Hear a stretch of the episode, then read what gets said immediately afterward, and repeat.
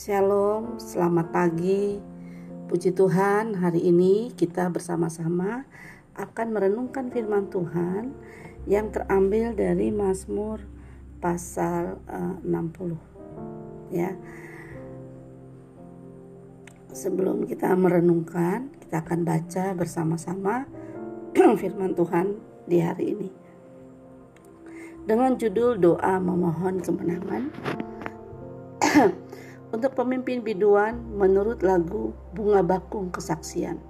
Miktam dari Daud untuk diajarkan ketika ia memerangi orang Aram Mesopotamia dan orang Aram Zoba.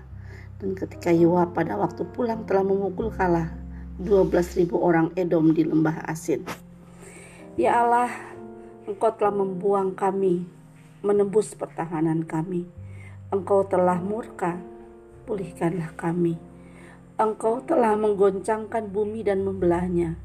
Perbaikilah retak-retaknya, sebab bumi telah goyang. Engkau telah membuat umatmu mengalami penderitaan yang berat.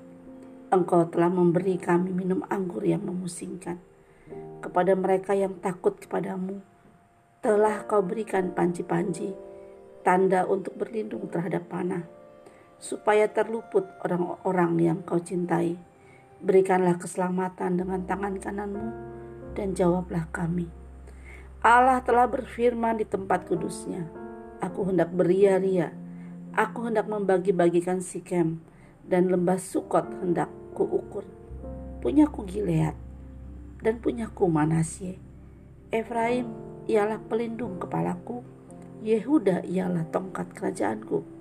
Moab ialah tempat pembasuhanku dan kepada Edom aku melemparkan kasutku.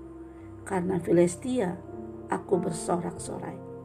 Siapakah yang akan membawa aku ke kota yang berkubu? Siapakah yang menuntun aku ke Edom? Bukankah engkau ya Allah yang telah membuang kami dan yang tidak maju ya Allah bersama-sama bala tentara kami? Berikanlah kepada kami pertolongan terhadap lawan sebab sia-sia penyelamatan dari manusia dengan Allah akan kita lakukan perbuatan-perbuatan gagah perkasa sebab ia sendiri akan menginjak-injak para lawan kita. Hari ini ayat yang kita akan renungkan adalah dengan Allah akan kita lakukan perbuatan-perbuatan gagah perkasa sebab ia sendiri akan menginjak-injak para lawan kita. Dalam Mazmur pasal 60 yang berjudul doa memohon kemenangan ini adalah Mazmur yang dinyanyikan atau disampaikan ketika Daud selesai berperang. Tentu saja banyak kelelahan yang Daud rasakan. Puji Tuhan Daud mengalami kemenangan tetapi dia merasakan begitu lelah dan dia merasa seperti seperti ditinggalkan Tuhan walaupun Tuhan tidak pernah meninggalkan dia. Dia seperti merasa bahwa Tuhan tidak bersama-sama dengan dia. Tetapi setelah dia sampaikan isi hatinya, dia merasa bahwa peperangan yang yang dia jalani itu seperti uh, Tuhan menggoyangkan bumi, membelahnya. Tuhan membiar seperti dia merasa bahwa Tuhan membuat umat Tuhan mengalami penderitaan yang berat. Terus dia juga merasa begitu takut, tetapi di saat yang sama di ayat yang ke-8 dia mulai melihat bahwa bagi Allah mudah sekali untuk memberikan kemenangan. Tuhanlah yang memiliki semuanya. Daud pada saat itu menguasai bangsa bangsa beberapa bangsa dan orang mulai takut kepada uh, nama Daud ya karena Daud begitu perkasa dan mengalami kemenangan demi kemenangan.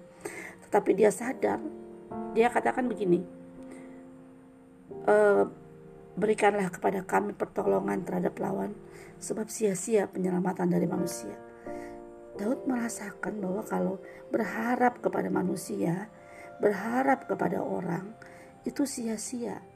Tetapi berharap kepada Tuhan, dia akan melakukan perkara yang perbuatan gagah perkasa di ayat yang hari ini kita renungkan dengan Allah akan kita lakukan perbuatan-perbuatan gagah perkasa. Sebab apa? Ia sendiri akan menginjak-injak para lawan kita. Daud tahu betul betapa besarnya Tuhan di dalam masalah dia. di dalam persoalan yang dia alami. Anak-anak ingat selalu hal ini. Ingat selalu hal ini. Ada selalu ada Tuhan dalam seluruh kehidupan anak-anak. Dari mulai anak-anak senang sampai mengalami kesulitan, selalu ada Tuhan. Nah, besok ini kan ujian ya, tengah ujian akhir semester. Ayo kita andalkan Tuhan. Kita bilang bahwa Tuhan bersama dengan Tuhan saya akan lakukan perkara yang gagah perkasa. Saya mau ujian juga bersama dengan Tuhan. Kalau anak-anak melihat papa mama mengalami persoalan, mari berdoa untuk papa mama dan katakan ayat ini. Dengan Allah, papa dan mama saya akan melakukan perbuatan gagah perkasa. Sebab Tuhan yang akan menginjak-injak para lawan kita. Mari anak-anak semua kita memperkatakan firman Tuhan ini atas semua yang kita rasakan sulit dalam hidup kita. Ingatlah bahwa Tuhanlah sumber kemenangan kita. Tuhanlah yang memberi pertolongan yang abadi dan tuntas dalam hidup kita. Berbahagialah orang yang mengandalkan Tuhan, berbahagialah anak-anak yang sejak kecil mengandalkan Tuhan Yesus. Puji Tuhan, selamat beraktivitas, selamat beribadah. Tuhan Yesus memberkati kita semua. Haleluya.